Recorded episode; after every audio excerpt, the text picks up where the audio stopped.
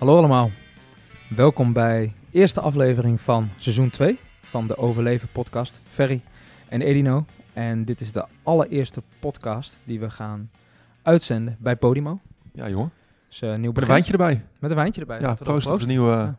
En hapjes. Want ik proost nooit, hè? Dat is jouw kritiek op mij. Ja, Ja. niet geleerd denk ik. Mm. Drink even uit. Lekker wijntje. Gebrek aan eh, interesse, denk ik. eh. Ja, ja, de seizoen 2 eigenlijk vandaag. Bij Podimo.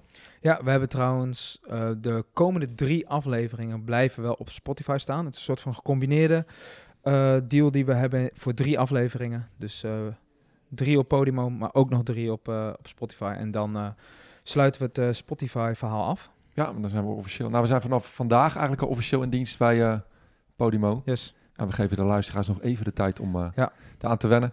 En er komt deze week, als het goed is, als deze aflevering, aflevering online staat, staat er ook op ons Instagram, op onze socials verder, een link hoe je naar ons kanaal komt. Ja. En met korting Voor drie Eh, maanden, toch? een eh Podimo abonnement kunt krijgen. Ja. Voor drie maanden is Drie dat, eh, maanden gratis, goed. Maar alle informatie staat daarin, eh, mochten we iets eh, missen.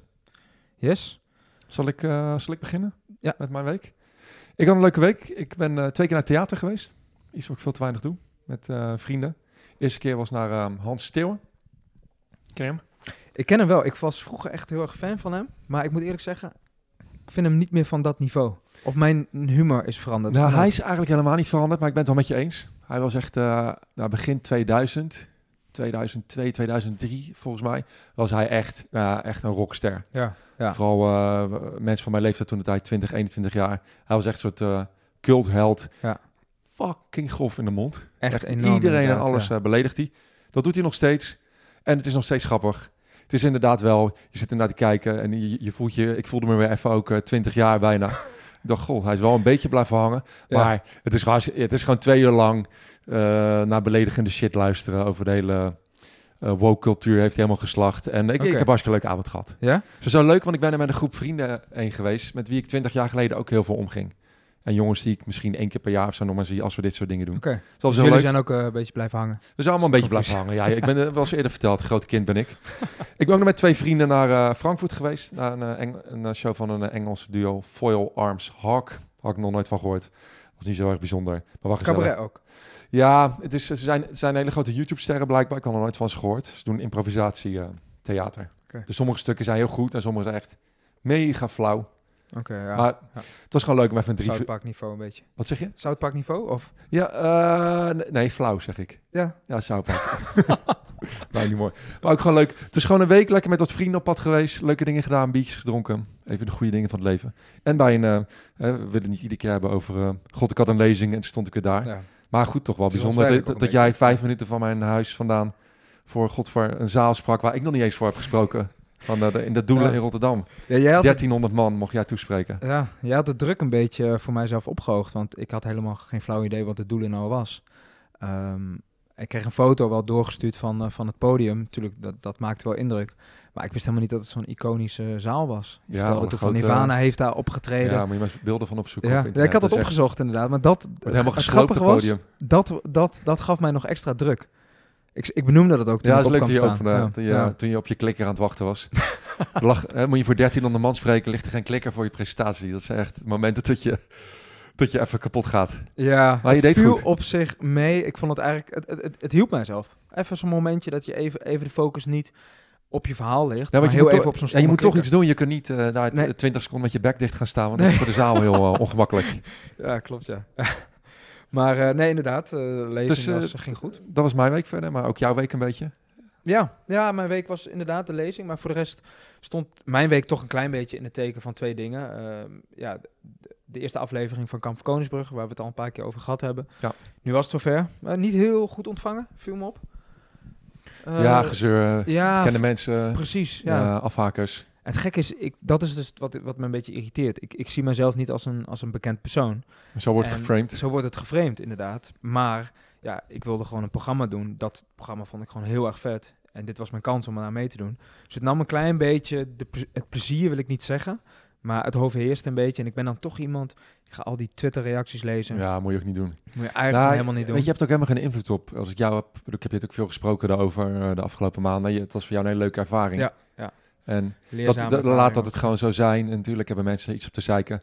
ik, ik moet ook zeggen dat dat denk ik ook eh, toffer geweest als, het, als ze het niet zo hadden, hadden neergezet als... Ze hebben het bij het programma zelf al een beetje geprobeerd, hè, het niet te veel als bekend Klopt. Ja. neer te zetten. Maar de, ja, de rest van de media neemt dat die, die framet dat weer wel zo. Ja. Van een BN'ers-editie, moet dat nou weer? Ja. Terwijl de Snap ik ja, ik ken bijna ja. niemand die erin zit. Nee, ik kende, ik, ken, ik kende Iris Endhoven dan toevallig. Ja, die eh, ken ik omdat ook, bij ja. de podcast heb gezeten.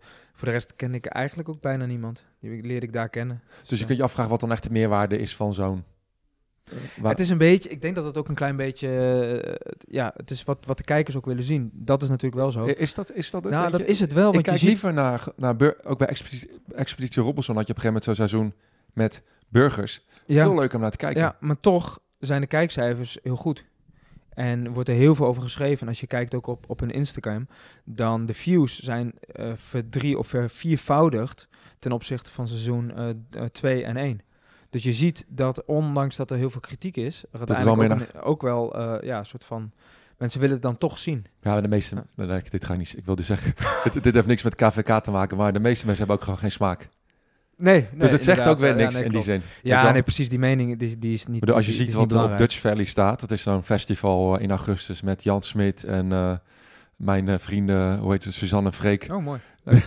Ja, Dus is toch leuke dat- muziek. dat- dat- helemaal, helemaal los daar, maar Ja. of het goed is, nee. ja, ik ben dus helemaal nu van de beste zangers. Ik Maar luister al een paar dagen de, de samenvatting van alle nummers van beste zangers. Ik vind het best wel mooi eigenlijk. Wat, waar, sorry, waar, gaan we nu, gaan we nu daarover over, hebben? over Suzanne en Freek. Zitten die daarin? Nou, die zitten er ook in, ja. In, de, in dit seizoen? Nee, niet in dit seizoen. Nee, ik, ik luisterde gewoon op Spotify even een, een, een Het playlist. is echt niveau, dat gaat met de seconde eh, Ja, omlaag. sorry. Ik Dus kan er niks aan doen. Maar laten we het niveau even omhoog krikken. De boekpresentatie van je broertje. Oké, ja, dat is een flinke, flinke upgrade. Daar was ik ook bij. Een mooie Ja, avond. Het was een hele leuke avond, Ja, leuk. met alleen maar familie, vrienden. Maar sowieso de hele week stond voor mij ook wel een beetje een teken van, eh, van, van het boek. Een heel mooi boek, hele grote impact gaat het boek hebben, dat weet ik zeker. Ehm, Het is echt heel mooi geschreven. het is heel mooi geschreven. Ja, echt hij heel heeft het zonder oordeel geschreven, wat eh, gisteren ook benoemd werd. Eh, hij zat gisteren bij, eh, bij Humberto, was ik bij. Werden we ook nog even ja, in het gesprek, laat maar zeggen, ge- ge- gekoppeld aan elkaar gerefereerd. Leuk. Dus dat was een heel mooi emotioneel moment. Ehm, waarin ik voor het eerst nou ja, bij mijn broertje echt een soort van emotie zag die ik niet eerder gezien had. Dat was heel mooi. Maar ehm, Ja, het is mooi dat hij het heel erg... ik heb een groot stuk van het boek ook gelezen. Hij, heeft het, hij benoemt vader, moeder, broer, ja, zus. Hij houdt het heel erg te- van het is mijn verhaal. En ik hoef niet iedereen met naam en zo continu te Nee. noemen. Dat is, Nee, wel, hij- dat hij- is heel knap van hem. dat is inderdaad heel knap. En hij vertelde, deels is het zijn karakter, maar deels is het zijn keuze. Want hij zei, ik heb nu een oordeel, maar toen ik als kind van zeven jaar of van twaalf jaar, had ik dat oordeel nog niet. Dus je kunt een lezer niet meenemen naar dat moment, naar dat gevoel. Nee. Als je je oordeel van nu erbij gooit. Dus dat, het is ook echt een bewuste keuze van hem geweest om hem op deze manier te schrijven. En eh, ja, ik ben hartstikke trots op Ja, het komt echt binnen. Ik, eh, ik, ik heb gisteravond had, had ik het stukje te lezen dat hij ehm, over dat jullie moeder ehm, naar het ziekenhuis gaat en zo. Ja. Dus ja, Ja. het is zo mooi en heel echt als een. eh, hij heeft het ook heel kinderlijk opgeschreven, Ja. want dat, hij was natuurlijk ook echt een kind op dat moment. Maar ook, ik merkte ook wel, en dat, dat hadden mensen ook die mijn boek lazen. Ik las, ik, ik had het was in bed aan het lezen voor het slapen gaan, dat je wel zoiets hebt van, pff, zo, dit ga ik even smiddags lezen, weet je wel? Ja. Ik, ik zou eerlijk zijn, ik heb dus het eerste deel van het boek direct gelezen toen ik hem kreeg. Ehm, ik wilde heel even erin bladeren. En toen heb ik eh, tot half twee gelezen, zo een paar uur gelezen. Ja, je leest Tot het moment van Ruinewold. Toen werd het met zwaar eigenlijk, was zo zwaar. Ik ging slapen, ik had erover gedroomd. En toen heb ik hem dus eh, een maand lang niet verder gelezen. Ik wilde het en ik wist, ik was, ik was eigenlijk verplicht aan mijn broertje om hem wel Ja, verder te lezen, maar ik kon het gewoon niet. Nee, ik snap, Dus toen heb ik uiteindelijk, toen het moest, heb ik hem verder gelezen. En toen was ik blij dat ik hem verder las. Maar het gekke is ook dat, dat het zeker als je zelf ook een soort van onderdeel bent van het verhaal, dat het ook best wel emotie naar boven brengt. Ja, Frank, een van mijn eh, vrienden van Bataclan, die is ook nog nooit bij mijn lezing geweest. En dat was ook een tijd dat ik, dat, dat ik me een beetje... eh, Maar ik wil niet zeggen dat ik een soort van beledigd was, maar ik vond het wel echt jammer. En een tijdje geleden zei hij voor het eerst in de groepsapp van ja, ik ben er niet klaar voor. Ik later, ja, ik snap dat ook echt. Want het is, ja, jij bent, hij is natuurlijk ook onderdeel van mijn verhaal. Ja. En hij had zoiets van, ja, ik weet niet of ik daar helemaal doorheen wil gaan. Snap ik. Dus het is, het is, het is ook heel, eh, heel, eh, heel raar, lijkt me dat, dat je iets leest waar je zelf in jouw geval een onderdeel van, eh, van bent als ik het al moeilijk vind om Ja. te lezen. Ja, en tegelijkertijd is het ook iets, een soort nieuwe informatie. Ik had natuurlijk ook geen flauw idee hoe dat bij hen aan toe ging. Dus je krijgt ook een soort van nieuwe informatie ineens. Ja, dat lijkt me ook, Ja. Ook bijzonder. Maar, Maar, dat, eh, is nog een ander boek dat je ook moet uitlezen. En dat, eh. God, van mijn boek heb je ook nog steeds... eh nou, zullen we gewoon lekker doorgaan naar het hoofdonderwerp? Een mooie kop die laatst eh, online stond bij RTL Boulevard. Edino van Dorsten werd afgewezen voor Kamp van Koningsbrugge. Punt. En iedereen klikken. Iedereen klikken, ja. Maar eerlijk, wie wijst nou mij nou af? Ik bedoel, wie gelooft dat nou? Ja. Dat is toch belachelijk? Nee, Scheiden, ja.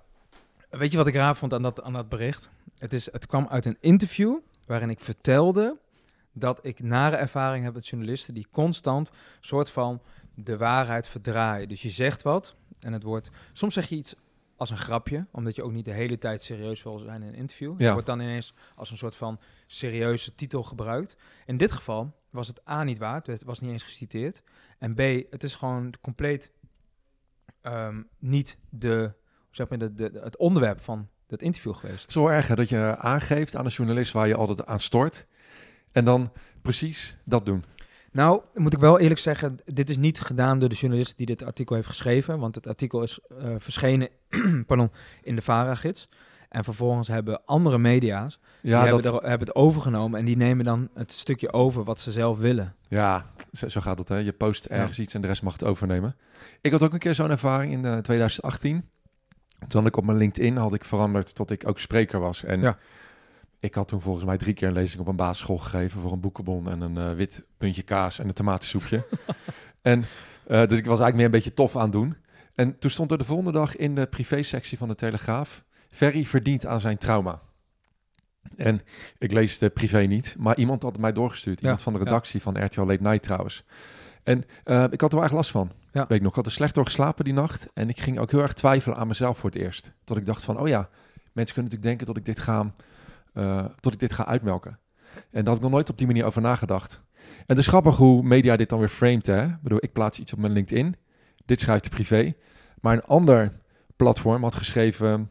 Ex-fysiotherapeut, aan de hand van hetzelfde bericht dan, hè? Ja. Ex-fysiotherapeut heeft helende woorden die inslaan als een bom. Vond ik ook nog een mooie woordkeuze trouwens. Ja, ja maar het is grappig hè, dat tot éénzelfde bericht, dat er dan twee totaal verschillende, op, op twee verschillende manieren Ja. neergezet wordt. De ene is heel positief en de andere is dan weer heel, eh, heel eh, negatief. Ik, Ja. blijf dat, eh, ik blijf dat bijzonder vinden. Ja, Want er was ook een ander eh, blad, volgens mij, ehm, was dat het AD? Die had weer uit het interview gehaald, en dan quote ik even uit het gesprek met jou. Het verschil met vroeger is dat ik er deze keer zelf voor kies. Ja. Om die, om die eh, Klopt. Nou, bijvoorbeeld... dat, dat, dat was inderdaad een beetje de, de, de lading van het bericht. De, de vraag die mij gesteld werd is: waarom zou je jezelf dit aandoen als je dit vroeger allemaal hebt meegemaakt? En toen gaf ik inderdaad aan: kies er nu zelf voor. Ik bedoel, het verhaal van ons gaat niet over, over, over mishandeling alleen, maar dat is niet soort van de. Het is wel de rode draad, maar dat is voor mij niet waar, waar het aan ligt. Het, het gaat het, het zelf kiezen voor iets was er niet. Je had niet de vrijheid om te kiezen wie je wil zijn. En nu mag ik dat wel doen. Ja. En dit is een keuze die ik gemaakt heb. En ik vond het mooi dat ze daar inderdaad dat stukje wel, eh, wel echt de kern raakten. Ja, dus zo zie je. eh, weet je, je kan nog zo'n mooi gesprek hebben, maar iedereen mag het overnemen en iedereen mag er weer een soort eigen sausje overheen gieten. Ja. Maar waarom Ja. denk je dat ze net, dat er journalisten zijn die, die eh, ik, ik heb veel in RTL Boulevard gehad hoor, die hebben mijn boek eh, gepromoot. Maar dat zijn toch wel, het is wel dat soort media die vaak iets negatief, Ja. op een negatieve manier neerzet. Waarom is dat denk je? Nou, ik, ik denk, ik weet eigenlijk wel vrijwel zeker, het gaat allemaal om de kliks. Ze- je moet een, een kop hebben Want wat die uitnodigen. te Kliks, klikken. Nou ja, letterlijk, het- dat iemand klikt op een artikel.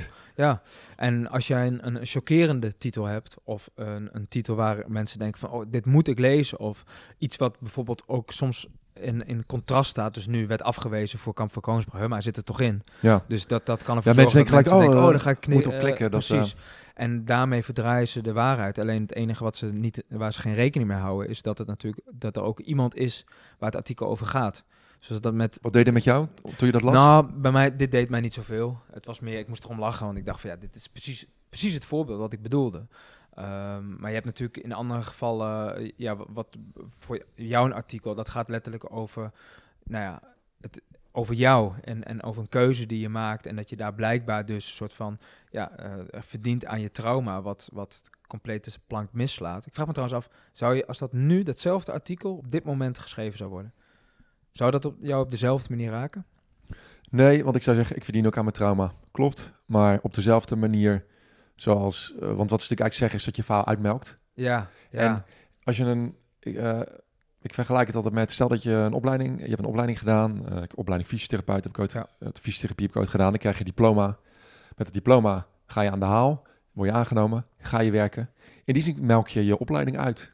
Het is maar net wat voor woorden je daar ja. aanhangt. Ja. Het heeft een hele negatieve lading, die woordkeuze. Maar in principe vind ik het helemaal niet raar dat je geld verdient met een levensles waar heel veel mensen iets aan hebben. ja, maar dan draai je hem al om. Dan, dan, Ja. dan verdien jij niet aan je trauma, maar je verdient aan het helpen van anderen door je trauma. Door, ja, precies. En in, Amerika, in het Amerikaans hebben ze een woord dat heet capitalize. Ja. On your uh, past, on your experience. En dat zegt ook, dat je verdient geld met je verleden. Maar daar is de eh, negatieve lading veel minder dan Nee, het woord uitmelken. Ja. Maar nee, nee in mensen misschien ook het, wel het, eh, ja, absoluut. Het raakt mij totaal niet meer. Nee, gelukkig niet. Ik kan er nu ook, eh, je weet ook, in mijn lezing heb ik dit als grapje aan het einde zitten. Ik sta op dezelfde bladzij als André Hazes. Ja. Ja. Dan heb je het gemaakt in het eh, leven, toch? Of niet? Nou, we gaan het eens hebben over ethische, ethische journalistiek. Een beetje een saaie omschrijving is het. Ik vond er ook een definitie van, dus ook niet heel boeiend. Maar Nou, daarin staat dat het is een vorm, ik, want ik lees hem even op hoor, toegepaste ethiek waarbij de gebeurtenissen en probleemsituaties die zich voordoen in de media geanalyseerd en beoordeeld worden aan de hand van morele basisprincipes. nou, die Heel saai. basisprincipes die lijken eh, soms eh, ver te zoeken zijn. Ja, Toch? ja, zeker. Te zijn. Ja, het is... ja, het gekke is natuurlijk dat het heel erg te maken heeft aan het verhaal. En wij hebben natuurlijk allebei een verhaal dat niet alleen ehm, waar heel veel journalisten over konden schrijven, maar wat ook een soort van hele nare nasmaak had. En ik denk dat, dan, eh, dat je dan merkt dat ehm, ja, ze moeten schrijven.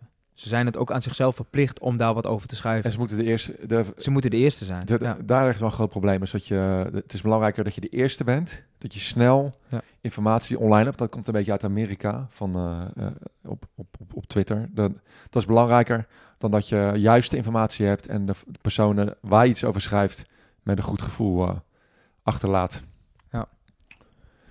Dus eh, belangrijk om het daarover te hebben, denk ik. We hebben er veel Ja, over meegemaakt inderdaad. van beide kanten. Ook vooral de positieve kanten gaan we ook echt eh, eh, benader- benaderen. Maar je had net al even verteld wat het met jou deed, dat stukje bij Boulevard. En wat dat stukje bij ehm, in de, de privé, wat dat bij mij deed vooral, is ook me heel onzeker ging voelen. En ik voelde me een beetje voor schut staan. Ja. En ik denk niet dat, dat mensen die dat schrijven, tot ze dat, ehm, tot ze dat snappen. Nee, ik denk dat dat er helemaal niet om- over nadenken. Om die spiegel, en dat doen we ook, ik doe het ook met lezingen, maar dat is ook met deze podcast wel een beetje te doen, van realiseer dat je met mensen werkt en niet met verhalen. Ja. Dat doet echt iets Ja. met iemand als jij daar iets, eh, iets Ja. over schrijft. Een onschuldig berichtje als dat stukje van jou bij Boulevard. Dat kan best wel wat impact hebben. Gelukkig kun je er zelf ook om lachen. Maar Nou ja, dat is omdat, omdat we nu soort van verder zijn in het verhaal. Maar ik, ik kan me als de dag van gisteren herinneren dat ik ehm, uiteindelijk, toen de hele situatie begon, uiteindelijk in een verhoorkamer heb gezeten. Ik heb meer dan 50 uur in een verhoorkamer gezeten met twee regisseurs die uiteindelijk na, na een, band die je echt in urenlang eh, praten met elkaar, bouw je een band op. Vervolgens vertel je hele kwetsende dingen, laat maar zeggen, hele zware dingen die mijn eigen familie, mijn eigen broers en zussen, die wisten dat nog niet eens. Ik had het verteld in een politievoor omdat je weet dat je de zaak daarmee dient, maar ook omdat je denkt, of dat je zeker weet eigenlijk, dit is in vertrouwen. Vervolgens is er een lek geweest bij de officier van justitie. En is dat die... aan de hand van dat gesprek, wat Ja. binnen vier uur heeft plaatsgevonden. Ja, en dat die lek is uiteindelijk eh, bij de media aangeboden. En uiteindelijk hebben alle media die hebben dat aangeboden gekregen. En er is maar één die er gekozen heeft om het te publiceren. Dat was de Telegraaf. En niet alleen hebben ze gekozen om het te pub- publiceren, ze hebben ook nog eens letterlijk geciteerd uit een van, echt letterlijk een van de moeilijkste zinnen die ik op dat moment in dat, ja, dat, dat, dat, eh, Ja, je- in die vertrouwde setting had uitgesproken. Die las ik gewoon terug. Kan, kan je zeggen In- welke dat is? Of, of eh, is dat offline gehaald en eh, heb je liever niemand tot dat... eh, Ehm, ik weet eigenlijk niet eens of het, of het er nog is. Wat ik wel weet, het staat allemaal achter een betaalmuur. Want ze hebben dik Oké. verdiend ook aan het, aan het verhaal. Wat ook heel maar graag maar er hoort toch gewoon... de- je hoort Nou, echt daar- op, op je vingers getikt te worden door een... hadden, ja, wij hadden Jessica gelukkig. En die, die is daar vol opgedoken. Maar dit, En, dit doet me ook aan een verhaal denken, nu je het over de Telegraaf hebt. Een vriendin van mij, Ingrid van, ik ga niet de achternaam noemen trouwens. Ik ga wel weer een naam noemen, zoals ik altijd doe. Maar haar eh, neefje heeft een vliegramp overleefd in, geloof ik, 2006, 2007. was een vliegtuig neergestort in Tripoli. Die was vanuit Zuid-Afrika daar naartoe gevlogen. Er zaten heel veel Nederlanders in. En er was één jongetje van negen, die had het overleefd. Haar neefje. Haar broer met het hele gezin was dood. Er was één jongetje die had het overleefd. Ja. Dat was haar neefje uh, Ruben. Zijn naam is wel algemeen bekend. Door de Telegraaf trouwens. Die lag daar in Tripoli, in een vreemd land in Afrika, in zijn bed. Die had alles gebroken wat je maar kon breken. Die is gebeld door de Telegraaf. En dat hebben ze ook gebruikt. Die, voordat hij weet dat zijn ouders en zijn broertje zijn overleden, heeft hij al een journalist aan de lijn. Een Nederlands journalist. Ja, dan ben je echt Ja. alle ethische kaders ben je, de, de- heb je scheid, echt volkomen scheid aan. Ik snap niet hoe je dan met jezelf kan leven. Nee. Uiteindelijk, het zijn toch ook gewoon... Het is niet een krant Een kind, die dat doet. maar het het is een mens Een die kind belt. gewoon, hè. Die, eh, Ja. En het mooie is dat dus zijn tante Ingrid, zij maakt zich nu heel erg hard. Zij geeft ook, ehm, eh, ik wil ook een keertje aan jou linken trouwens. Ik had laatst met haar over jou. Zij heeft echt een soort missie om ehm, eh, journalisten gewoon te laten zien waar ze mee bezig zijn. Ja. Ja. de- bedoel, dit verhaal, dat, dat, dat gaat natuurlijk... eh, dat- je gaat over alle grenzen zijn. Dit, Klopt, dit kun ja. je echt niet maken. Moet ik even aan denken. Nee, is echt Ja, heel- nee, maar dat, dit, heel bizar. dit, dit is ongeveer... Nou ja, in Maar die zin is het niet eens vergelijkbaar. Ik vind dit nog heftiger wat jij vertelt. Ja, Maar dat ja, is echt het heel is- heftig. Ieder- iedereen, want jij was vrij jong toen, maar als je dit verhaal dropt bij mensen boven de 40, iedereen kent het verhaal. Met uh. Ruben gaat het trouwens ook heel goed. Hij eh, is een gelukkige jongen geworden in, Oké. in een heel lief gezin van zijn tante opgegroeid. Ja. Ook even als je Ja. over veerkracht hebt. Misschien kunnen we het wel eens een keertje hierover hebben ook. Ja. Maar ik was even benieuwd. eh, wa- wat was het voor jou het de, de eerste keer dat je in contact kwam met de media? Dat je werd geïnterviewd of dat er iets werd geschreven over je? Was dat de eerste Ehm, keer in de, de Gelderlander? Nee, nee, nee. Nou ja, in mijn leven was, was sowieso in, in 2019 inderdaad, nadat alles aan het rollen geraakt is. En ehm, ja, het waren meer algemene artikelen nog. Maar het gekke is, dan worden journalisten, die worden dan jachthonden. Die gaan op jacht. Ja. En ik, eh, ik zat in de ziektewet, logischerwijs. En ik had een, eh, een werktelefoon. En dat nummer van mijn werktelefoon was dus online te vinden. Nou, ik werd constant gebeld. En niet alleen werd ik gebeld, ze zijn bij mijn buren geweest. Ze zijn bij vrienden van mij eh, geweest. Ze zijn op oude adressen geweest. Ja. Ze zijn op mijn werk geweest. Hebben ze, hebben ze zich aangemeld als een, een klant die mij, mij, mij zocht. En ik ben toen vervolgens door, verbonden door de receptionist. Die werd doorverbonden naar mij, dus ik neem op. En journalist. Precies stond dezelfde- gewoon ja, op mijn precies werk dezelfde ervaringen Ja. was dit. Dat is toch bizar? En, wa- wat, en wa- wat was het eerste medium waar je mee sprak? Weet je nog wie Oh, dat waren? ehm, nou, wij hebben onze mond dicht gehouden tot aan de documentaire. En we hadden geluk dat wij vrij snel ehm, uiteindelijk de keuze hadden gemaakt om het ehm, middels een documentaire te vertellen. En dat heeft een reden. Het is een best wel een complex verhaal. Het is een verhaal waarin negen mensen betrokken zijn. ja, Het verhaal kun je niet in een interview eh, uitleggen. Dus nee, dat zou het... dat, dat was eigenlijk gewoon niet te doen. En, en we, we zaten met meerdere, meerdere meningen. Dus ja, we hebben uiteindelijk... eh het enige contact wat wij met de media gehad hebben... zijn middels verklaringen geweest. Dus we hebben verklaringen opgeschreven. Die hebben we eigenlijk een soort van gecheckt. Iedereen heeft daar zijn zegje over gedaan. Uiteindelijk heeft Jessica daar vaak nog een soort van officiële samenvatting gemaakt. En dat hebben we uiteindelijk eh, toegestuurd. En we hebben eigenlijk tot aan na de docu... geen enkele keer contact met de media gehad. Oh, goed zo. En, ja, die- en die die Jessica maakte, die werden natuurlijk gewoon letterlijk overgenomen. Daar, daar kon niet iemand zijn eigen... Nee, nee saus dat, overheen en dat was ook, daar stond dat was ook echt ondertekend door ons. Dus dat was echt onze verklaring inderdaad. Maar eh, ja, voor, en, en, en voor jou dan? Eigenlijk, want bij jou was het natuurlijk, eh, ja, niet, eh, de situatie is totaal niet te vergelijken. Nee, maar alle, de allereerste keer contact met de media was eigenlijk zonder dat ik dat zelf door had. Want je moet je voorstellen, die nacht van de, van de aanslag... ehm eh, natuurlijk al je in de vorige aflevering heel veel over verteld. Eh, trouwens, mocht je, mocht je meer willen weten over de achtergrond van onze verhalen... moet je de aflevering over ons luisteren. Ja, Want we gaan er even vanuit dat je wat achtergrondinformatie over ons hebt. Maar die nacht van de aanslag, dat ik dus eh, ontsnapt ben... ehm, ik word helemaal plat gebeld en geappt door, door eh, natuurlijk mijn familie en mijn vrienden... maar ook door mensen die ik soms jaren niet gesproken had. En ook door een oud fysiopatiënt van mij. Die, ehm, een uh, fysiopatiënt, die heet, ik heb hem even Luc genoemd. Hij heet anders in het echt. Maar die ehm, toont interesse, eh, wat op zich heel eh, oprecht en aardig eh, leek. Alleen, hij bleek een dubbele agenda te hebben... waar ik op dat moment natuurlijk helemaal geen weet van heb. Dat, dat is ook zoiets. Je, je, hebt, je had in het begin waarschijnlijk ook helemaal niet. Je, het, gaat hem, het komt helemaal niet, niet in je hoofd op dat journalisten iets van je willen. Nee, nee. Maar hij blijkt dus journalist te zijn op dat moment. En dat wist ik niet, want dat was hij niet toen ik hem behandelde. Ja. Dus ik zit met hem te appen. En ik heb even een kort appgesprek. Dat heb ik ook in mijn boek, heb ik dat helemaal uitgeschreven. Hij uh, appt mij dus, dus vlak na die aanslag. Ver, alles goed? Dan antwoord ik. Het was een nachtmerrie. Ik was in de club tijdens het schieten. Chaos, overal dode mensen. Ik ben ontsnapt voor de gijzeling. Nou, doet hij best wel uh, innemend. Van Jezus gozer, wat ziek. Heb je een beetje contact met je maatjes? Gaat alles goed met ze? Als ik iets voor je kan doen, moet je het zeggen. En dan antwoord ik weer met, ja, ze zijn allemaal oké, maar het duurde een tijdje voordat ik dat wist. Hij zei, oh, wat erg. En als ik iets kon doen, zeg het maar. Al is het maar slap lullen. Nou, op zich best een sympathiek gesprek. Maar het bleek dat hij dus al op dit moment met collega's hierover aan het praten was. Die voor de media werkten. Ja. En dan een paar uur later komt de aap uit de mouw. Uh, Ver, ik krijg vanuit mijn werk allemaal vragen. Zou die er mee willen werken aan een interview? En dan heb ik al zoiets van, hè, interview? Maar jij bent toch... Ik wist dat die artiestenmanager was van een rockband toen de tijd, voor Winner Temptation. Okay. Dat had ik herinnerd. Uh, dus ik, ik stuur dan ook echt zo van, nee, we worden helemaal gek gebeld. Iedereen wil iets van ons, weet je, laat me met rust. Ja, en ja. Dan zegt hij op een gegeven moment, en dit vind ik echt heftig geworden. Maar ja, aan de mediakant wordt ook aan mij getrokken.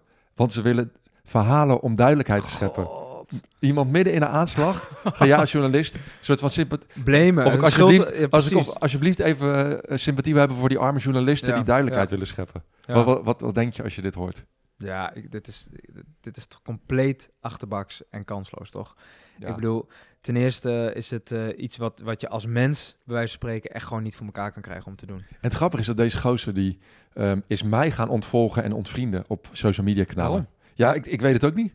Ik denk, ehm, maar die, laat, die laatste zin laat toch eigenlijk gewoon heel duidelijk zien hoe hij als persoon is. ja, Ik bedoel, hij, hij legt een, een schuldgevoel bij jou neer, ehm, terwijl jij op dat moment eigenlijk alleen maar hulp nodig had. dat is bizar toch? Dat is echt bizar, ja. Nou, ik, ik zou serieus wel eens met hem willen praten hierover, want eh, dit is ook zeven jaar geleden. Ik, eh, hij is inmiddels manager van een heel bekend iemand. Ik ga de naam eh, niet noemen. Ondanks dat het, ja, jij weet het al lang, maar ik ga, mocht het van jou niet in de podcast vertellen. Nee, nee, nee. Maar mijn- mijn bewuste media-ervaring was de volgende dag via RTL. Want, want ik ben de nacht van de aanslag door bij familie in Parijs. Ik kwam vaker over verteld. En de volgende ochtend belt een vriend van mij, Terry. Ik ga het wel even een naam noemen. Mijn beste vriend. Dat zijn Ja, nicht voor, voor, RTL, eh, voor RTL werkt. En of ik een klein stukje... Of ik een, klein, een kort interview wil geven. Omdat wij de een- enige, enige Nederlanders waren bij eh, die aanslag. En ik voel wel een soort van maatschappelijke plicht om daar kort iets over te zeggen. Dus dat audiofragment laat ik nu even horen. En je moet even het beeld erbij hebben. Dit was een nacht na de aanslag. De volgende ochtend. Ik heb mijn vrienden nog niet gezien. Ik sta in een Frans appartement. In mijn onderbroek. Met een croissantje in mijn hand. Hang ik uit het raam. Want in dat huis is bijna geen bereik. En nou ja. Je hoort eigenlijk gewoon dat ik, eh, dat ik echt compleet eh, van de kaart ben. Ja. Ferry, hallo, je bent eh, live in de uitzending. Ehm, kun jij mij vertellen wat jij gisteren hebt meegemaakt? Ehm, ja, halverwege, een, eh, of halverwege de set ongeveer stonden we naar een nummer te luisteren. Ineens hoorden we eh, knallen achter ons, wat, wat leek op kleine ontploffingen. Van mannen met geweren staan. Ver- vervolgens ging heel de zaal op de grond liggen, honderden mensen. Eh, toen, we in de gaten hadden tot er mensen neergeschoten werden, begon iedereen over elkaar heen te kijken. Ik zag al dode mensen op de vloer liggen, overal bloed. Ja, ja ik, ik heb ook een paar minuten op de grond gelegen. Terwijl, terwijl ze bleven schieten. En toen wist ik nog niet dat ik dus bij de nooduitgang in de buurt was. Dus dacht ik, ze staan bij de ingang. Ik dacht, hier komen we gewoon nooit meer uit. En ineens trapte iemand een deur open. En met alle, over iedereen wilde natuurlijk in één keer naar die nooduitgang toe ook. Dus er werd een hele berg van mensen over elkaar heen aan het kruipen was. Er lagen al dode mensen tussen, mensen onder het bloed. Ja. Ferry, ehm, ik wil je hartelijk danken dat je je verhaal ehm, bij ons in de uitzending wilde vertellen. Ehm, en sterkte daar. Ik, ik, ik hoor voor het eerst ook de ongemakkelijk. Ik, ik Ja. heb dit voor de, toen ik dit ging voorbereiden voor het eerst weer teruggeluisterd. Ik, ik vind het niet zo heel fijn om naar te luisteren, Nee, persoonlijk. Maar of- ik moet een beetje lachen om die journalisten die eh, op een gegeven moment zegt: Ja, Ja, ja maar, van, ja, wat moet ik hierop zeggen? Ja, er is niks je- op te lachen. Dit, nee, maar ik moet, het er zelf, ik om moet er zelf een beetje om lachen nu als ik dat hoor. Maar je merkt gewoon dat jij nog helemaal in het moment zit. De, de, wat je ook benoemt is gewoon heel heftig. Je hebt het over bloed, over dode mensen. En ja, wat, wat kun je daar als journalist eigenlijk op zeggen? Op dat moment kun je alleen maar een luisterend oor bieden. Maar ja, het is eigenlijk niet de plaats van een journalist. Dus eigenlijk had ze jou gewoon niet moeten bellen. En als ik jou hoor, eh, ja, weet je, je hebt wel eens je mindere momenten, maar eh, Ja, dit is wel echt... eh, was niet mijn beste. Nee, nee. En hierna moest ik kort een interview doen met Geert Gordijn voor het RTL Nieuws. En dat is wel een, een, mooie interview, wat heel wat soepeler loopt. Kun je op YouTube kijken, mocht je dat willen zien. Hele integer journalist, die mij ook alle ruimte gaf om te vertellen. Ik had verteld dat ik niet wilde, eh, emotioneel wilde zijn. Ik wilde niet vertellen eh, over dat ik eh, dode mensen had gezien. Daar had hij ook respect voor. Dus integer ook met me omgegaan. Door RTL, vind ik. Ja. En... Ja. Ehm, Ja, het is ook goed om wel die, de, de dingen te benoemen die, die natuurlijk wel goed gaan. Uiteindelijk heb je, er zit ook een verschil in, in, in journalisten. Het, het, ehm, ja, dat is zeker waar. Het, het enige wat ze je dan natuurlijk niet vertellen is dat je verhaal natuurlijk out there is. En dat ze dit, dit interview ook, wat je nu hoorde, maar ook het interview wat later voor de tv werd opgenomen, hebben ze honderd keer afgespeeld Ja. die dag. Ja. Dus iedereen weet wie je bent ineens. En dan, jij noemde het net al even, ehm, dan begint die wolvenjacht echt. Dan wil iedereen jou eh, aan tafel hebben. En dat, dat kwam bij jou natuurlijk toen eh, je broertje Israël uit de eh, boerderij ontsnapte. En ehm, dat, was, wa- wa- dat was in 2019. Wat was, 2019, ja, oktober, ja. ja. wat, kun, je- kun je iets vertellen over die periode? Want ik, ik denk dat Ja. mensen geen idee... Jij vertel, je vertelde net al even kort dat je, tot je op je werk werd lastiggevallen. Nou ja, en, het, het, het was sowieso een hele surrealistische periode, want alles wat je meemaakte was A, nieuw, was soort van niet te bevatten. En je merkt ook je brein, die, ehm, die, die kan maar zoveel prikkels aan. Dus op een gegeven moment... en jij bent snel overprikkeld Ik sowieso. ben snel overprikkeld. Dus op een gegeven moment heb je het idee dat, dat je in een soort van droom leeft. Waarin alles zo raar is. En ik weet nog dat ik op, op tv keek en dat je, dat je al die beelden zag. En al, weet ik veel, allemaal rare beelden over. eh, Dat mijn broertje dan zogenaamd in Amerika was geweest. En er waren op een gegeven moment overal werden dingen, dingen vandaan gehaald. Overal fragmenten. eh, die vijf bier die die achter elkaar eh vond je-. Maar voor je omgeving ben ik ook zo benieuwd naar. Want er waren natuurlijk ook heel veel mensen in je omgeving die, die het verhaal helemaal niet kenden. Nee, nou, iedereen was natuurlijk heel erg verbaasd en, en, en gechoqueerd. We moesten, moeten lachen, want gechoqueerd, ik, ik schreef dat, eh, Ja, hoe je dat schrijft, dat ik woord. schreef Ja. dat woord op en ik, ik, ik kreeg gewoon helemaal error van, hoe, dat is echt een moeilijk woord. ja, jullie moeten allemaal even, s- s- eh, gewoon even blind het woord gechoqueerd schrijven. Ja, Dan denk je echt, echt benieuwd. schrijven we dat zo? Ja. ja. Maar goed, het Maar gaat over iets, je ook wat ja, in, over iets de anders gaat dit. Nou, want ik, ik sprak dus jouw tante op de boekpresentatie van ehm, eh, je broertje vorige week. Ik vond het best wel bijzonder, want zij zei dat ja, ik, ik ben de zus van Gerrit-Jan, Ja. Vader. En ik, ik dacht, wow. Ik, een Ja. manier vond ik het best wel indrukwekkend om met haar te praten. Ja. Maar zij vertelde dus hoe het dus voor haar was toen ineens eh, die nieuwsberichten naar buiten kwamen. En zij had niet gelijk door tot het om ehm, het gezin van haar broer ging, maar wel Ja. een vermoeden. Ja, Maar zij dacht alleen maar, nee, dat kan niet, want je hebt maar drie kinderen. ja, En klopt. het gaat over negen. ja. Wie zijn die andere kinderen? Ja, en zij vertelde precies, dat ja, daar in de familie volop over werd gebeld. Van, is dat de boerderij van Gerrit-Jan? Ehm, en iemand had gezegd, ja, waarschijnlijk wel. Ze zeggen, ja, maar dat kan toch helemaal niet? Waar komen al die kinderen vandaan? nou, ik vond, ik vond het wel bijzonder Ja. ondertussen... Want eh, ik heb natuurlijk nooit een familielid van jou gesproken die helemaal naar buiten staat. Dit heeft natuurlijk voor, zoveel mensen was het natuurlijk echt zo'n een, beerput die open Ja, werd getrokken. Klopt, klopt. Ja, nou, ik moet heel eerlijk zeggen, ehm, ja, op bepaald, ik, dat zal iedereen begrijpen, eh, maar ik was eigenlijk alleen maar op dat moment met mezelf bezig.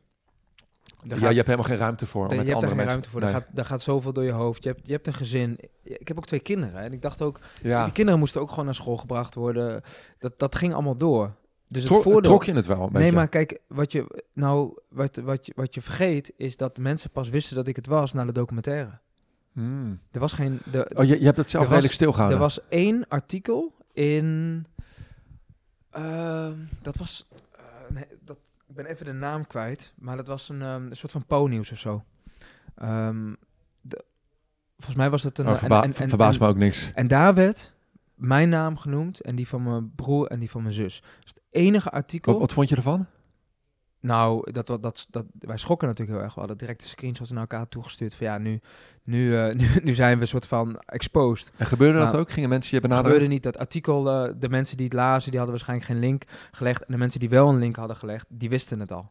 Dus de mensen, de, de dichte kring om me heen, die had ik het natuurlijk verteld. En die hadden het meegekregen. En er waren mensen die, die het ook herkenden, hè, over verhalen die ik verteld had. En dan zie je het foto van mijn broertje. En dan zie je toch gelijkenissen. Dus er waren ook heel veel mensen, verbaasde ik me echt over, maar er heel veel mensen die het al geraden hadden voordat ik het verteld had. Bijzonder. En voor de rest, iedereen die daar buiten stond, dus iedereen op schoolplein, die wisten het niet. En dat is gek. Je gaat naar school toe en je denkt, iedereen weet het, iedereen kijkt me aan, niemand kijkt je aan, Nie- niemand heeft geen flauw idee. Ja, bi- ja bijzonder. Dus dat was wel fijn eigenlijk. het is, ja. ik, ik moet een beetje denken, dit is ook een heel ander voorbeeld hoor, maar dat heb je denk ik ook, eh, want dat stukje van mijn boek heb je wel gelezen.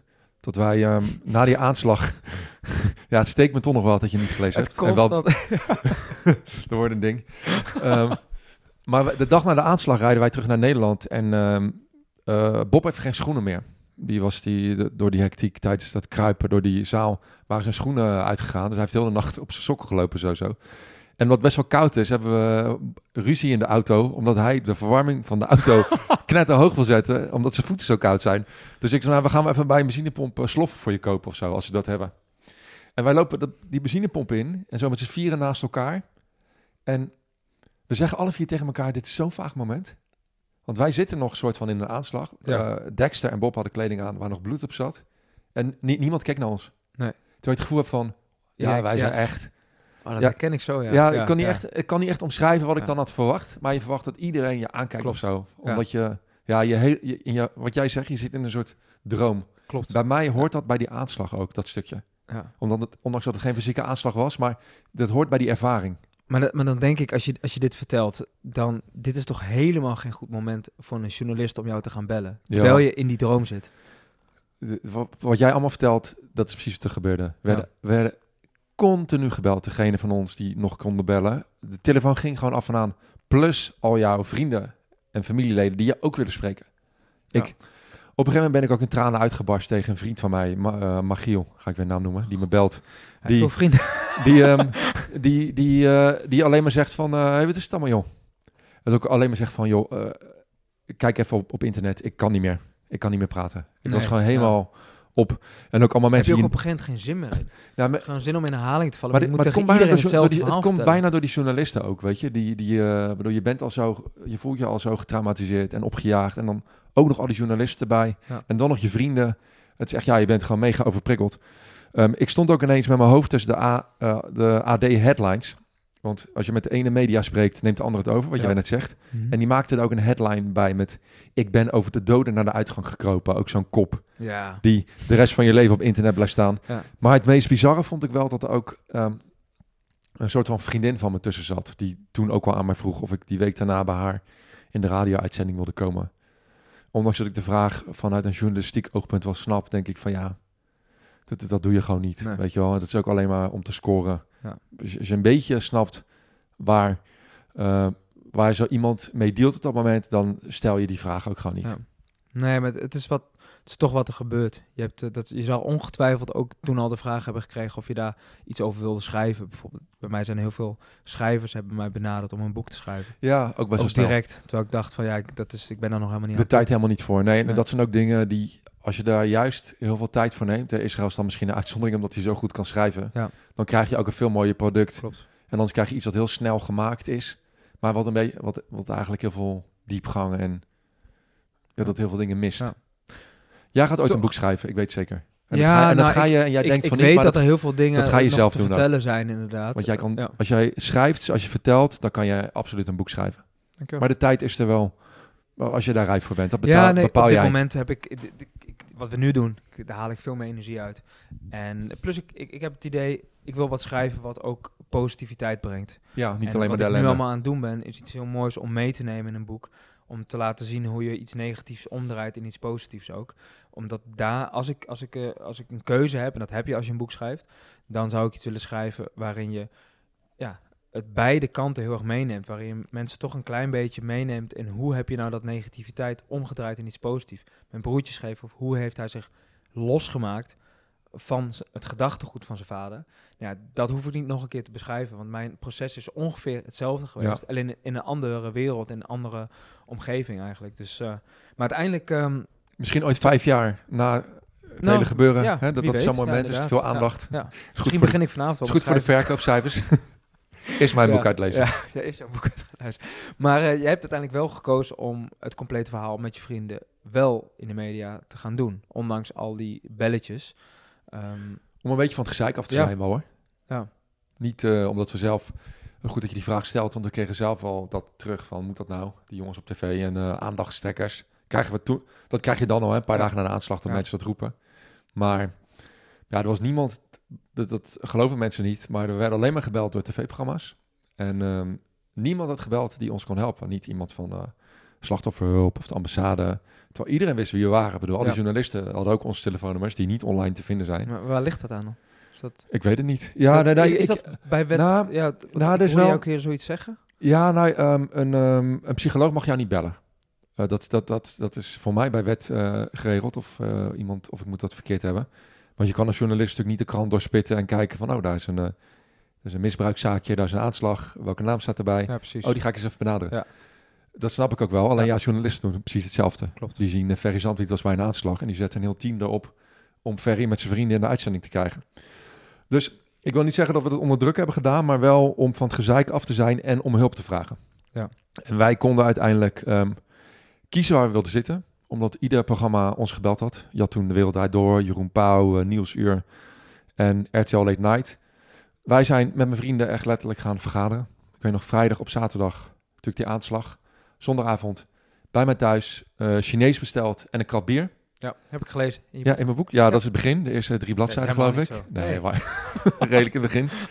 En ehm, eh, een van mijn andere vrienden, Frank, die wilde niet op tv. Die zei, ehm, nee, we moeten gewoon een interview geven voor de krant. Maar ik dacht, ja, ik, ik weet, ga- gaat dat de lading echt dekken? Ehm, maar ja, een paar bier verder vond hij het wel goed om op de tv te komen. En we hebben toen, ja, we hebben, we hebben er niet heel lang eh, over gehad. We, we streepten de wereld draait door af, omdat dat heel kort is. Ja. Ma- Matthijs van Nieuwkerk, hè, dus een hele snelle interviewer. Eh, Jeroen Pauw vinkten we ook af, vonden we iets te politiek, eh, een beetje politieke insteek. En Hubert Tan, RTL Late Night, luchtig programma. Ja. Dat Toen is ook nog heel erg hot. toen heel erg hot, Ja. inderdaad. En ik moet ook zeggen dat zij wel een van de weinige journalisten waren die ons niet hadden gebeld, maar alleen een appje hadden gestuurd. Zo van, joh, als jullie verhaal willen vertellen bij ons, ehm, dan is dit de persoon die je kan bellen. Eh, en dat is het enige wat ze hadden gedaan. En terwijl bijvoorbeeld de talkshow van Jeroen Pauw, ik denk dat wij wel vier keer zijn benaderd en Jeroen Pauw zelfs Dexter persoonlijk nog heeft gebeld om hem over te halen. Dus dat, die vonden we sowieso allemaal wat opdringeriger. En ehm, Ja, het gaat uiteindelijk om, om gevoel. ja, en, en waarom hebben jullie uiteindelijk... Want jullie zijn natuurlijk met Jessica Valeris in zee gegaan. Waar, Ja. waar, waar- kwam die keuze vandaan? Nou, die, die keuze, die het werd ons geadviseerd, laat maar zeggen, om met haar te gaan werken. Wij hadden ehm, al gauw snel door dat we in een, in een krantenartikel ga je dit verhaal niet kunnen uitleggen. Dit is zo complex, dit heeft met zoveel dingen te maken. Het is ook een tijdspanne van meer dan 30 jaar waar je over moet praten. Dus hoe ga je dat uitleggen in een, in een interview in een krant? Plus het is interpretatie, dus ik vertel wat. De interview, in, of de, degene die mij de interview afneemt, die, die schrijft het op in zijn eigen woorden. Vervolgens leest de lezer het weer in, met, met zijn interpretatie. Dus ja, in die zin ehm, komt het alleen maar echt over als je het zelf vertelt. En waarin je ook een soort van mimiek hebt, eh, gezichtsuitdrukking, emotie in je gezicht. is ook allemaal heel belangrijk. Dus we hadden al snel door dat we het alleen maar via een documentaire wilden doen. En ja, toen werd ons geadviseerd, als je een documentaire maakt, doe het dan met eh, Jessica Valerius. En kwamen jullie daar onderling snel uit? We kwamen daar heel snel uit. Al met hoeveel omdat- mensen moest je dit beslissen? nou, gelukkig maar met vier, omdat eh, de, we hebben, ik, heb, ik heb echt mijn best gedaan om uh, jongere broertjes en zusjes onderdeel te maken van, van, eh, van de documentaire. We hebben zelf gefilmd. ja, heb je al verteld aan mij, ja. hebben, eh, ik heb ze uiteindelijk een soort van overgehaald. Niet omdat ik eh zo'n soort van wilde dwingen, maar ik dacht dat als, het, als zij zelf hun eigen perspectief konden vertellen, dat je een compleet verhaal krijgt. Anders vertellen wij als ouderen vier het verhaal waarin onze jongeren ook betrokken zijn. Dus het was eigenlijk om hun een eerlijke kans te geven. Maar uiteindelijk, zij waren er niet klaar voor, waren nog lang niet zichzelf. En als ze ons zichzelf terug hadden gezien op beeld, waren ze hartstikke ontevreden geweest. Maar nee, Israël en ik, die, ehm, die hebben een afspraak ingepland met Jessica politiebureau in Meppel. Ehm, nou, we hebben daar gezeten en we waren eigenlijk vrij snel eh, om. Dat, eh, dat die charme heeft zij wel, die overtuigingskracht ook wel. Ze, eh, ze- Ja, absoluut. ze laat je vanaf het eerste Vertrouwen. moment direct in, in, in waarde en ze bouwt dat vertrouwen eigenlijk op. Dus het was niet een hele moeilijke keuze. En vervolgens heeft zij alles geregeld. Zij heeft alles met de zenders geregeld. en Complex hoeft ook van haar, hè? Niet, het gaat om jullie natuurlijk. Ja. Maar dat je ook dat verhaal moet gaan vertellen. Ja, Met zoveel ja. Mensen. Nou ja, jij Ja, hebt, eh, vier uiteindelijk, heb- maar- ja. je- je, hebt haar geïnterviewd voor dit, eh, voor, voor dit item.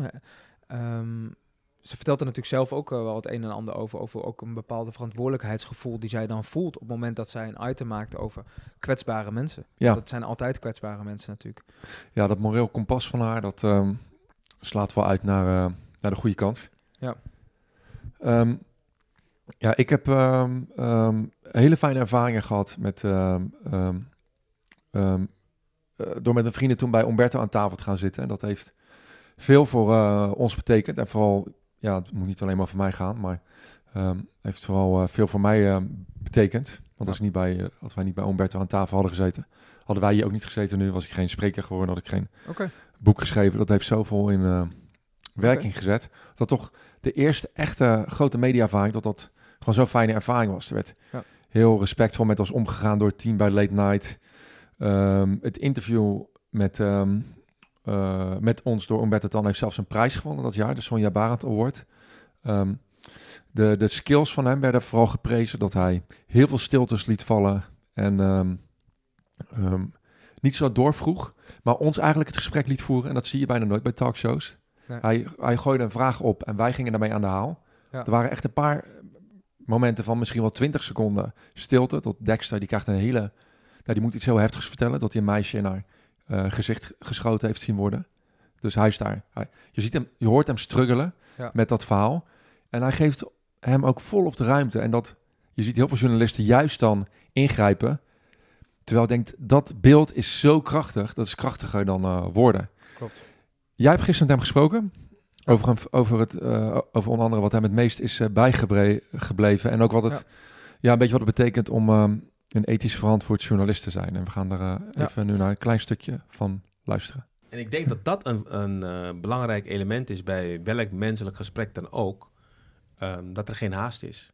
Ja. Omdat je kan dat soort emoties niet op die manier filteren um, aan de hand van jouw agenda met je tijd. Nee, precies. Dus vind jij ook dat, dat haast eigenlijk uh, precies dat ethische stukje raakt? Dus op het moment dat iemand denkt van ik moet, ik moet deadlines halen, ik moet zo snel mogelijk dat nieuwsbericht de wereld in krijgen in, om zoveel mogelijk views te krijgen, zo snel mogelijk, voordat iemand anders het heeft gedaan? Nou, een aantal dingen. Dat is voor en, en uh, voor, uh, tijdens en na het interview. Ja. Voor het interview, als ik het voorbeeld van Bataclan neem, weet ik dat... Um, wij hebben ze benaderd via RTL Nieuws, want het is op vrijdag 13 november gebeurd. Ja. En volgens mij hebben wij het verzoek bij hen neergelegd op, ik denk zaterdag of zondagochtend al, heel vroeg. Um, en wij hadden altijd als programma, als um, uitgangspunt, vraag het. als, ze, als iemand een keuze maakt voor een ander programma of een ander medium, respecteer dat. Ja. Ga niet lopen leuren. Vraag het gewoon netjes. En mensen kunnen kiezen. Het is hun leven. Zij kunnen gewoon zeggen, nou, ik wil dat wel of ik wil dat niet. En dan zeg je, nou, oké, snap ik. Zonde, jammer. Maar het is jouw keuze. Dat is wat, hoe wij in, in de wedstrijd zitten. Wel grappig dat hij dat uh, eigenlijk aangeeft. Wat ik, ik dacht precies hetzelfde. Toen ik jij vertelde over dat uh, die vriend van jou op een moment aankomt dat hij eigenlijk niet, dat hij even, even bij moet komen. En als je dan een presentator hebt die heel veel haast heeft, die kapt hem af. Die gaat erover, die gaat een of het gesprek voortzetten met iemand anders. En hij gaf precies aan, dat is precies hetgeen wat je niet moet hebben als je een goed interview wilt doen met iemand. Haast. Ja, en dat is wel wat al die talkshows juist uh, ja, die werken met, met, deadlines, die willen zoveel mogelijk in één item stoppen je, natuurlijk. Ja, je ziet het soms in de ogen al van een talkshow ja. host als je daar aan tafel zit. Precies. Van, okay, ja, ja, ja, ja, ja, ik heb dat ook echt heel veel gemerkt. Ook dat je gewoon merkt van, oh, Um, er zijn dan een aantal dingen die je heel graag wil zeggen. En dan weet je al, ik krijg hier de tijd niet voor. Want ik zie al van, ze zijn aan het afronden. Maar wat krijg je dan dus als uh, programmamaker of content creator? Bij ons werden sowieso ook alle grenzen gerespecteerd. Ze hadden met ons, uh, we hadden gezegd dat we een aantal vragen wilden we liever niet tot die, tot die ons zou stellen over wat ja. wij allemaal hadden gezien. Uh, al die grenzen werden uh, gerespecteerd. Ja, ik ben nog zeven keer terug geweest bij Omberto ja. Tan. Omdat ja, dat is de winst hè, voor hem dan ook. Ja. het was een leuke ervaring. Je weet, oké, okay, uh, er wordt integer met me omgegaan. Mijn grenzen worden gerespecteerd. Ook Geert Gordijn, die man die mij in Parijs op straat interviewde, heb ik ook twee keer nog een interview mee gehad. Omdat die allereerste keer een fijne uh, ervaring was. Ja. was trouwens ook echt, echt wel een leuk gesprek met, met Humberto. Ik, het, het viel me op dat hij alles nog herinnerde van die avond. Dus uh, we hebben in, in, in special zenden we het hele fragment uit. Ik denk dat het wel, wel leuk is uh, om, om te luisteren. Zeker als je naar jouw verhaal nu luistert. Dat je dat ook gaat herkennen in wat hij zegt. Ja, ben ik wel, ben ik wel benieuwd naar. Leuk ja. om, ik moet het zelf namelijk ook nog helemaal uh, horen. De, het grappige is dat uh, de Angela de Jonge, die overal wat vindt van tegenwoordig ook van KVK, ja. wat op het ja. zeiken, al die uh, BN'ers, moet dat nou? Want jij bent een BN'er natuurlijk. Nee, gaat niet over mij dit. Um, zij had een heel mooi item geschreven over Umberto. De dag na het interview met mij en mijn vrienden. Waarin ze hem echt de hemel in uh, prees toen de tijd. Vooral het feit dat hij ons zo liet uitpraten. Ja. En het grappige is dat ze een paar jaar later hem compleet afbrandt om precies die skills. Ja. Dus het is ook wel mooi hè, dat hetgene waar je vandaag om geroemd wordt, daar kan je morgen door eh, de grond in. Ja, ja. in, maar nou, eh, dan denk ik ook direct eigenlijk van wat, wat is de waarde van zo'n column? Eh, eh, gaat zij ook niet gewoon mee met de meute? Dus op het moment dat jullie dat interview deed, werd hij ook geroemd? Was zijn programma ook gewoon hot? En een paar jaar later was zijn programma minder populair. Gaat ze dan niet ook gewoon mee met, met de mening? ja, Probeert ze niet populair te zijn? Of is dat... Waarschijnlijk wel. Ik, ik vind Ja. het ook wel goed dat er wat, wat er een, ehm, een kritisch geluid is naar wat Absoluut, op de televisie ja. verschijnt. Ja. Maar het lijkt bij haar wel vaak een beetje ge, eh, spits te zijn op dezelfde mensen. Hè. Wendy Ja. van Dijk, Linda de Mol, Oh, oké. Humberto zijn wel mensen die ze geregeld eh, afbrandt. Ja. Maar goed, ehm, en jouw ehm, familieleden zijn gefilmd door Jessica Valeris. Daar heb je Yes, natuurlijk ja. uiteindelijk voor gekozen om mee ehm, in zee te gaan. We kunnen natuurlijk een hele podcast vullen over dat proces. Gaan we hier niet doen nu, maar kun, je eens in het kort proberen te vertellen hoe, hoe dat ging? Ehm, ja, en kort is, het, het is moeilijk met, met zo'n verhaal om kort te blijven, maar Je kan het. wat ik, ja, ik kan het zeker. Nee, wat, wat mij eh, blij- bijgebleven is uit het hele proces is, het was, het was een soort van therapeutische ervaring. Een proces waarin ik eigenlijk chronologisch mijn hele leven doorliep. Voor het eerst ook direct op beeld. Wat ook voor eh, betekent, laat maar zeggen, dat je niet echt de kans hebt om, om, om, om weg te gaan of zo. Je moet het echt aangaan.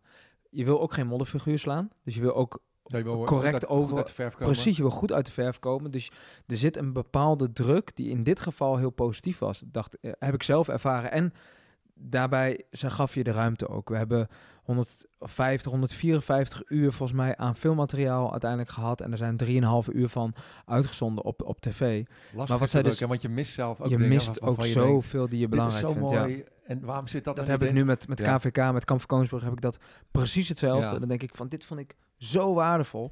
En je weet niet of dat erin gaat komen, want er worden ook keuzes gemaakt. Maar Jessica, ze gaf wel de ruimte. Dus ja, ze snapte ook heel goed dat op het moment dat jou een vraag gesteld wordt... en je moet ineens over hele heftige dingen in je verleden praten... dat, dat, dat je op gang moet komen. Dus, en die ruimte gaf ze. Ze ging soms ook weg, liet ze je gewoon praten, liet ze je gewoon wennen. En dan zei je van, nou, begin maar gewoon met praten. En soms ging ze voor je zitten als je merkte dat je dichtsloeg. En dan eh, ging ze je vragen stellen, een soort van interviewstijl. Ja, zij ging trucjes steeds- om, eh, Ja. om je, in, Ja. om engaged te krijgen. Ja, absoluut. Ja. En ze is betrokken. Dus het app, ik had heel veel appcontact met haar, heel veel gebeld met haar. Soms tot midden in de nacht. Ehm, en dan 's ochtends vroeg om zeven, dan was je tot drie uur had je bericht. En om zeven uur was ze bijvoorbeeld alweer met, met, met, met, met mijn broertje aan het, eh, Ja, aan het app of met mijn zus. Ze was echt volledig gefocust op ons. En dat heeft haar denk ik wel, ook wel wat eh, gekost hoor. Bij Ja. haar zelf ook. Ja, dat denk ik wel, ja. Ja, het is, ja, ondanks het gaat natuurlijk om jullie, maar als het programma maken eh, is het natuurlijk ook nogal wat dat je zo'n heftig verhaal als Ja. dit, dat je al die details te horen krijgt. Dan moet je Klopt. ook maar in je eentje verwerken, want Ja. ze heeft ook, ik heb haar ook geïnterviewd, dat interview Ja.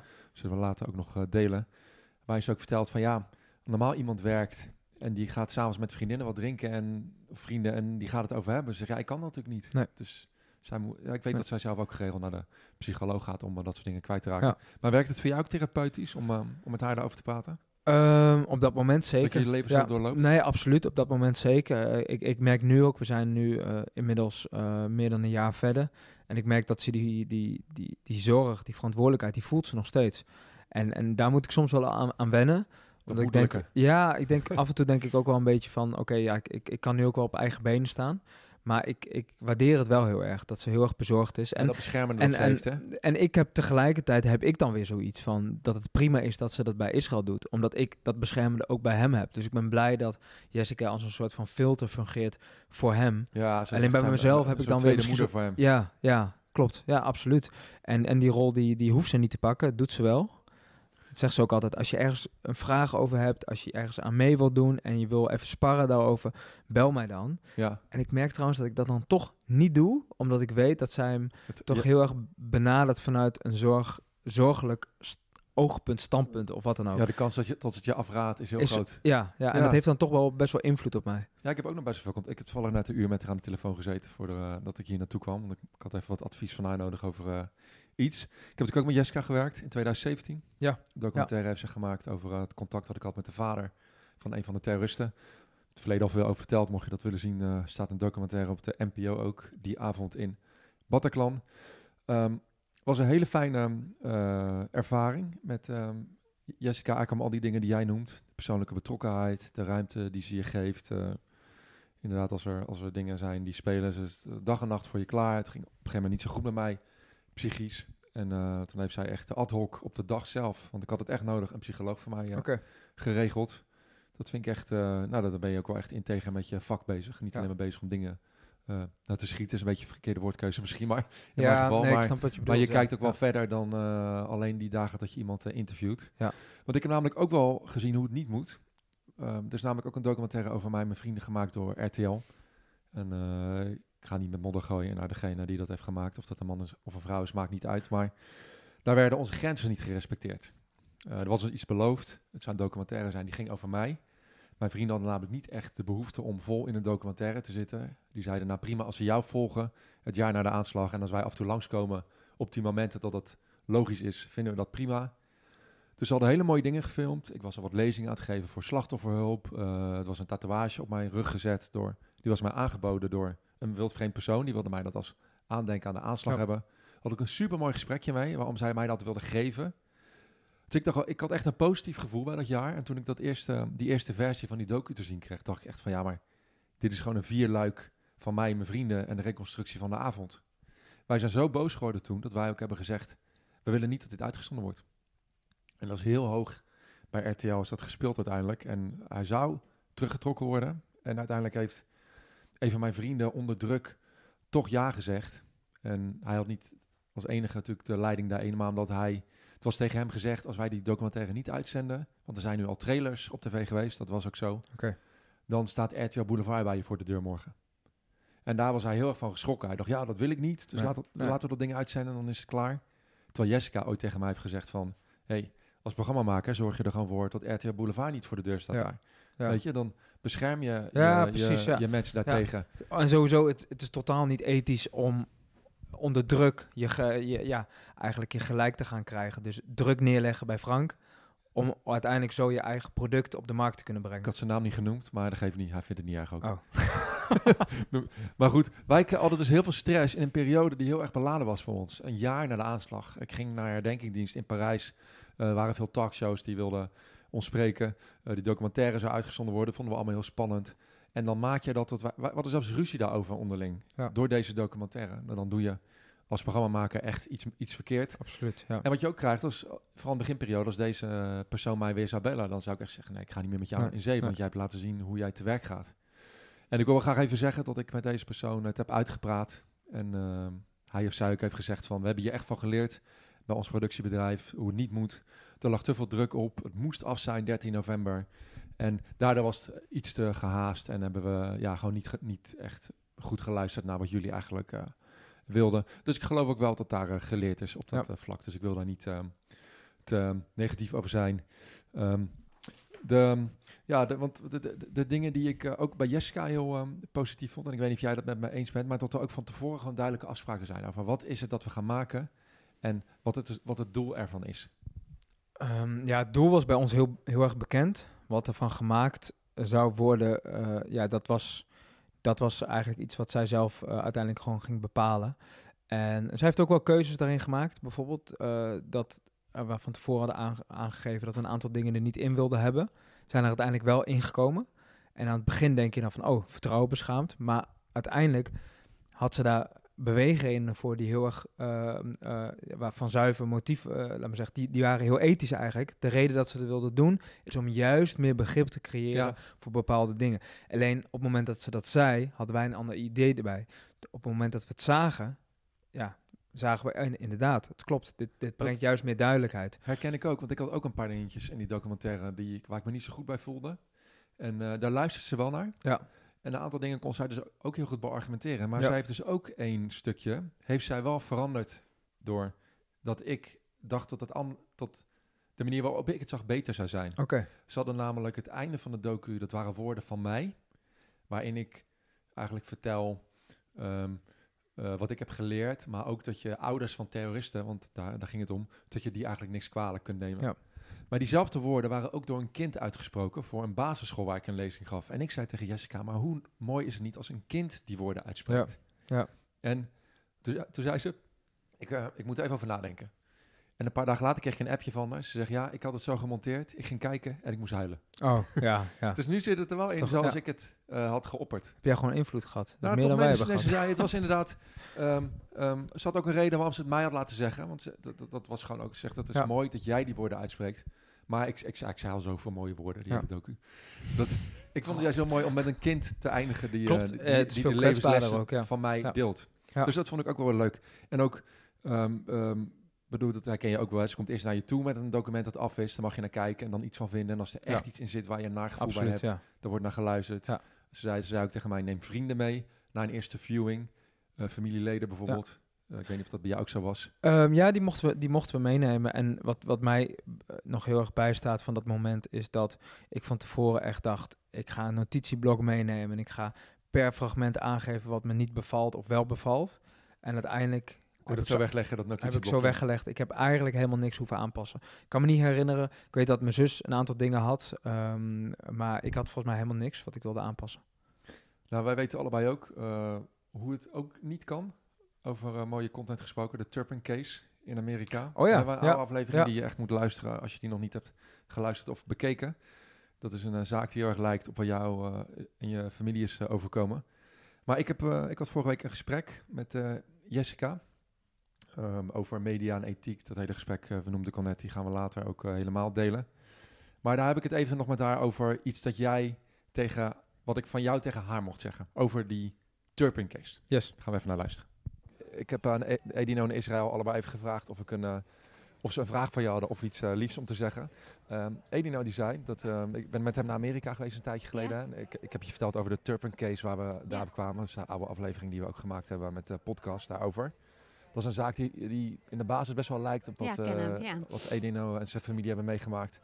Maar toen wij die document, dus een documentaire over gemaakt, die hebben we daar dus gekeken. En het eerste wat, wat eh, Edino zei na de hand, hij zegt, eh, wat heb Jessica het goed gedaan hè? Want het was zo'n bizar, mooi en heftig verhaal.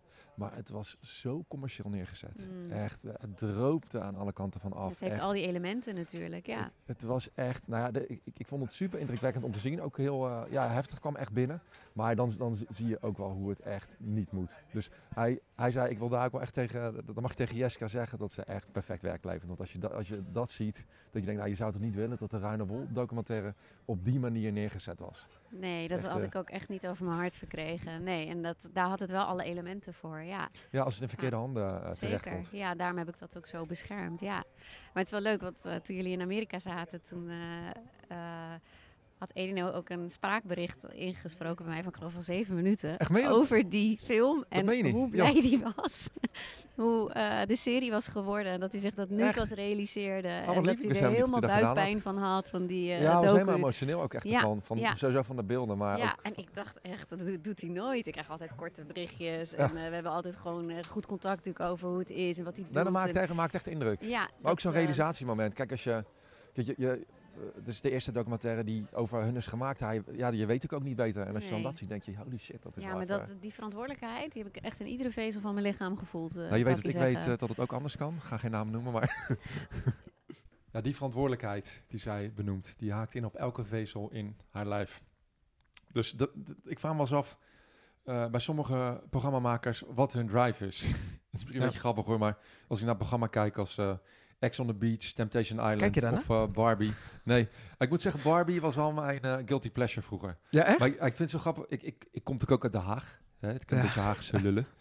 ik vind gewoon die hele cultuur in Den Haag en vooral die, nou ja, een beetje de, de, de Schilderswijk cultuur waar Barbie toe behoort. Ja, ik, ik vind die mensen wel heel grappig.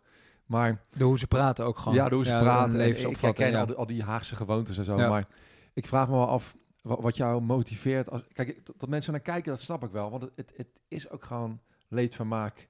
En je weet, ik kijk naar Chateau Meiland. Ja. Hè? Je, Maar hebt daar meer, wordt- ja, je kijkt ook naar heel Holland Bakt. Ja, maar daar worden mensen niet eh, kapot gemaakt of zo, mentaal. Ja, wel soms als de botercrème in de shift gaat. Maar, ehm, maar als je mensen een podium geeft in dit soort programma's. Stel dat je, dat je bij Temptation Island dat je uit elkaar getrokken wordt op de televisie. En twee maanden later heb je een sollicitatiegesprek en diegene heeft dat gezien. Je bedoel, je kan je toch nergens meer vertonen. Ik Ja. af, hebben die programmamakers wel door wat het met die mensen doet op de lange termijn? Want ik denk als je die mensen spreekt tien jaar later, dat ze er allemaal spijt van hebben. Dat Ja, ik, ik denk een deel, wel een deel niet. Ik denk dat er ook gewoon mensen zijn die dat prima vinden. En ik denk dat er ook mensen zijn. Ik, ik denk ook wel mensen moeten hun eigen keuzes maken. Als iemand dat prima vindt dat hij op tv uit elkaar getrokken wordt, ja, dan is dat maar zo. Kijk, ik, ik ben het niet. En ik zou ook die programma's. Er zijn geen programma's waar ik naar kijk. Nee, ik ook Maar ik ken ook mensen die daar wel naar kijken. Precies om wat jij zegt. Niet om daar beter van te worden, niet om er wat van te leren. Maar precies leedvermaak. Gewoon entertainment. Gewoon een soort van even de gedachte op nul. En gewoon iets doms kijken. En eh, ja, ik, ik sta toch wel een beetje... Ik ben van mening dat je die mensen die dat podium wel krijgen... niet belangrijker moet maken dan, dan ze zijn.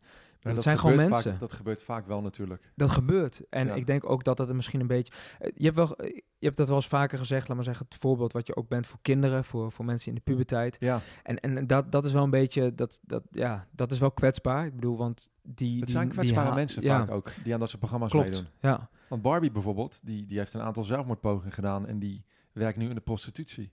Terwijl vijf jaar geleden was zij gewoon, ja toch, Ze heeft toch ook gewoon kinderen een zo? tv-ster. Ja, hij heeft eh, twee of drie kinderen, weet niet eens precies. Dus Ja. ja, iedereen zag al aan van dit is een vrouw die je niet zoveel... Die had geholpen moeten worden. Ja, die had geholpen moeten Ja. worden. En ik ben ook wel benieuwd wat voor nazorg zij heeft eh, gekregen. Ja. Er, wordt natuurlijk overal, eh, weet je, zelfs de beste journalisten zullen ook wel eens over een grens gaan en foutjes maken. Ik, ik, ik ben, het boek, ik ben een boek van eh, Louis Theroux aan het lezen, echt een fantastische documentairemaker. Die ook in dat boek beschreef hij tot die ehm, ehm, vroeger in interviews, en ik heb dat zelf dus ook ooit meegemaakt, mensen wel eens eh, drank gaf, zodat ze dan loslippiger werden. ik dat doen wij toch ook in deze podcast? Ja, maar nu, nu doen we het zelf. Ja, oké. En het ging nou over, ehm, hij heeft ook, de ken je die Tiger King documentaire Ja, van zeker, eh, eh, Netflix. Daar zit op een gegeven moment iemand in zonder tanden, zonder shirt. Wordt hij geïnterviewd. Ja, ja. En die gasten is dus later heel erg boos om geweest, want hij Oh, dat ze hem dus dronken hadden gevoerd. Ja, niemand wil natuurlijk met zijn gezond... Als je die documentaire Nee, hebt gekeken, weet je precies wie ik bedoel. Die zit daar zonder... Gewoon één tand heeft hij Ja, in zijn mel ja. en zonder t-shirt wordt hij heel die documentaire geïnterviewd. Ja, niemand wil Ja, die hele documentaire is... is, is ik- dat is ook, ik, heb hem ook normaal. gekeken, ik heb ervan gesmuld. Maar Ja. daar moet je ook je vraagtekens bij zetten. Is dit wel zo goed voor die mensen om zo in beeld te komen? Dat is waar. Erik Schredder, die ehm, eh, neuropsycholoog, die, die legt dus ook verantwoordelijkheid bij journalisten neer. Van eh, realiseer je wel wat voor klimaat je cre- creëert met de content die jij uitzendt. Ja. En hij zei dat vooral tijdens de coronapandemie, omdat er toen alleen maar negatief nieuws was. Van, soms waren er ook berichten die best wel positief waren, maar niemand pikte dat op. Nee. En eh, dat vind ik ook wel mooi. En Jessica die was het daar ook eh mee eens in het interview wat jullie nog eh, kunnen luisteren. Ik vind het eigenlijk wel een mooi moment om de reden van deze podcast aan te stippen. Ja, En, deze heeft wel een duidelijke reden. Absoluut. Ik denk dat deze al een aantal maanden geleden bij jou ja, naar voren kwam. Is dat je heel graag iets wilde zeggen over het feit dat journalisten alle vrijheid hebben om een slachtoffer te benaderen op een moment dat hij er nog helemaal niet klaar voor is. Maar de hulpverleners, de mensen die er eigenlijk voor dat slachtoffer moeten zijn op dat moment, bij wet verboden zijn om contact op te nemen. Ja, die mogen jou niet proactief benaderen. Nee. En ik denk dat heel veel mensen dat niet snappen. Die, die, hè, net als mijn vrienden denken, oh, moeten ze nou daar bij die talkshow zitten? Dan denk ik, ja, je hebt echt geen idee eh, waar deze mensen misschien mee te maken hebben gehad. Of waar ze doorheen gaan. Ja. Dat ze daar eigenlijk zitten, is überhaupt een schreeuw om aandacht. Ja. Dus als je nou als journalist, dat het jou lukt om mensen voor jouw camera te krijgen die heftige incidenten hebben meegemaakt of vers uit een trauma komen, zou ik als laatste willen zeggen, ehm, stel je nou maar eens voor dat die persoon die voor je staat, tot dat jouw eigen kind is. En dan heb je denk ik het antwoord op de vraag, moet ik deze persoon wel überhaupt voor mijn camera zetten? En hoe ga ik met deze persoon om die voor mijn camera staat?